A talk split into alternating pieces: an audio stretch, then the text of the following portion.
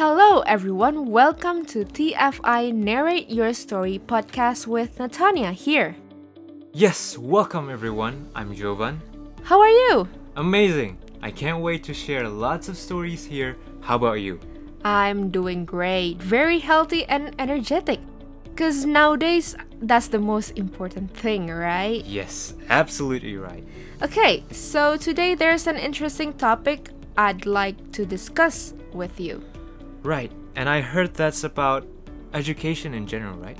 Yeah, you got that. So, everyone, please follow us along from now on, and I am sure you all are very intrigued with this session. Okay, let's get it. So, Natania, from the word itself, how do you define education? What is your perception about education? Um, so I have a very simple answer to that actually. Education is your future. That's actually it. Oh, is it really? No, seriously, that's the goal of your education. I can say that education is a great independent variable. The more educated you are, the healthier, wealthier, and wiser you are. But a perfect image of an educated person that is always in my head is someone who is not theoretically educated, but also in daily practice, mentally and morally educated. Perfect. That's a very perfect definition of education. I have the same belief as yours too, I can say. How's that? In my opinion, education is not only about schooling, but also training, developing, and coaching. Some may see the term um, schooling as synonymous with the term education. Indeed, that is very correct. Yeah, so what I'm trying to say is education is something that states a broad meaning. People might inquire, why is education important? We are all gifted with the capabilities that were born in us, but we are required to cultivate, attain the highest possible usefulness. Right. Every talent that we possess, mental, our capacity, money, time, or influence are all given and we are accountable for it. Okay, so from what we have just discussed, education is not a simple word that encapsulates one kind of tradition, but it is an understanding of lifestyle study. It determines your future, who you are, and what you will become. Yes, it is about your future, your job, and your career. Okay, talking about the future, I believe in golden age, where children are determined what character they will develop and what kind of thinking skill will enrich their mind. Wow, that's interesting. What is golden age? Uh, so golden age is the first 12 years of your life. It is when you are trained, educated, and built by your environment. In this period, mother's presence is truly important. Right. So when we graduate elementary school, that is the end of our golden age. Exactly, exactly. Now I'd like to discuss something that is already questioning my mind right now. Which education system is the best in the world? Okay, right now that is the most important question, right? Right. Because now I started to think that it is very important for children who are still very young to have the best education. Yes, very important. So, if we are talking about education system in our country, I believe even the government is still struggling on what's best to be given to the students. But now we have the K13 curriculum. We also have Cambridge and IB. There used to be a 2006 curriculum as well. Personally, as a student who has passed all of these curriculums, I guess I like IB the best. Hmm, right. I really like that curriculum because it gives me space to explore my studies and also dig on what I like. But if we take a look at the private schools and also the public ones, they are totally contradicting each other. So, how can every school create the same students with a different method of study, right? Yeah. I think there should be one special lesson that every school must teach, which is character building. Totally agree. I think the government should have a program for character building. Every student should pass this lesson in order for them to graduate. And I think it should start from the very bottom. Right. Probably first graders are eligible to this, right? Yes, they are very fit for this training. Simple character will lead them to a greater life ahead. Okay, so how are they able to do this? Okay, now you see that kids are always curious about anything. Try showing them the character itself and make sure they know that it is the character that you are teaching.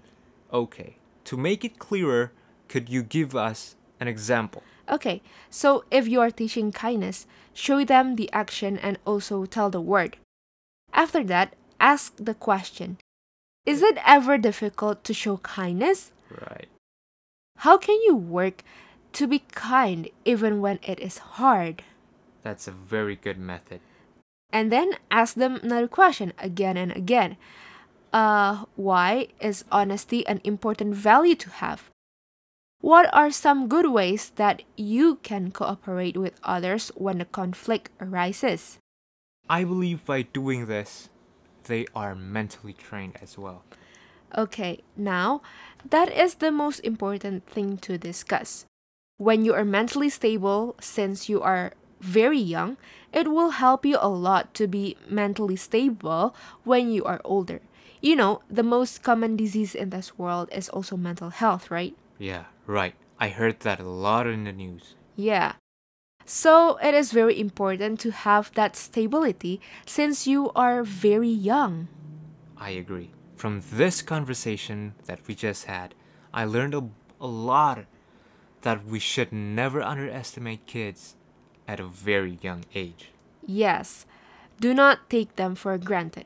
Do not play according to their wants all the time, but give directions to the character that you are teaching, the character that you are influencing. So, if this system is applied to all the schools, will there be any change? How will this change the world? Okay, so from simple character traits, kids that are trained in this way are totally different from kids that are taught with only math and science, you know. How are they different actually? So, as I have mentioned before, kids with a lot of care from their teachers since elementary school will have more stable mental health. But what I need to emphasize is not the teachers, but parents, because in those golden age, children are supposed to be with their parents more than anybody. Therefore, when they are ready to meet the world, the wild environment, they are perfectly fit for it. When they are about to enter the college world, they are able to make new friends easily. Their characters are meek and lowly. Wow, and I believe children that are trained in this way will be people who are successful in the future. Definitely. So, by doing this, our country, Indonesia, will produce and create more successful students. Okay, now talking about successful life. If we see the recorded data provided by detik.edu, only 1.7 millions of people are able to go to college when there are 3.7 million of people graduated from senior high school. What should the government do to make the rest of them go to college? Alright, so I still do not understand why Indonesia does not provide any government loans for students who want to go to college. Government loan. That's very interesting. Yes. What do you think about government loans? I've thought about this too, actually. Right, so there should be another program which covers this matter. First, we acknowledge that the percentage of not going to college is very high for students that are probably having financial problems and situations that lead them directly to the working field rather than taking an undergraduate degree first. So, if financial is the issue, then government loans would be the best answer to it, right? I think the government could ask for their detailed identity, register everything that proves their likeness, and also probably the government could do a survey straight away to their home so that they could see the environment too, you know? Like, is it right they are having this kind of condition? Yeah, that's a very great idea. Also, I think that even for students who are capable of getting into university, it would be better for them to take the loan too. So after they graduate, they are responsible to return the money. Mm-hmm. Yes, that's a very great way to train students with responsibility. Yes. And now, how many years should they return all the money borrowed for university? Uh, according to what I have watched from people's experience, which they shared uh, through YouTube, it may be varied actually because even in the States, I think most students are taking government loans. If they are working steadily, probably five to seven years would fit. And I think it also depends on what major they are taking. Right. Very right. Because if they are taking medical studies, then it would uh, probably take 10 to 15 years to return the money. Okay, so Indonesia should have this program as soon as possible, I guess. Yeah, very right. Because I think even the Asian countries are having government loans, but our country hasn't got one. That's a very good program for the future students to be more successful. Therefore, there will be no excuse of not going to college or not having a successful life. Yep. And that also helps the poverty level to get lower year by year, right? Yeah. Wow, we talk about a lot of things today. And I didn't realize we were even talking about mental health, about the government, and about well being. Yes, it was a very great talk indeed. Alright, everyone. We have reached the end of the podcast. Wow. See you next time. See you.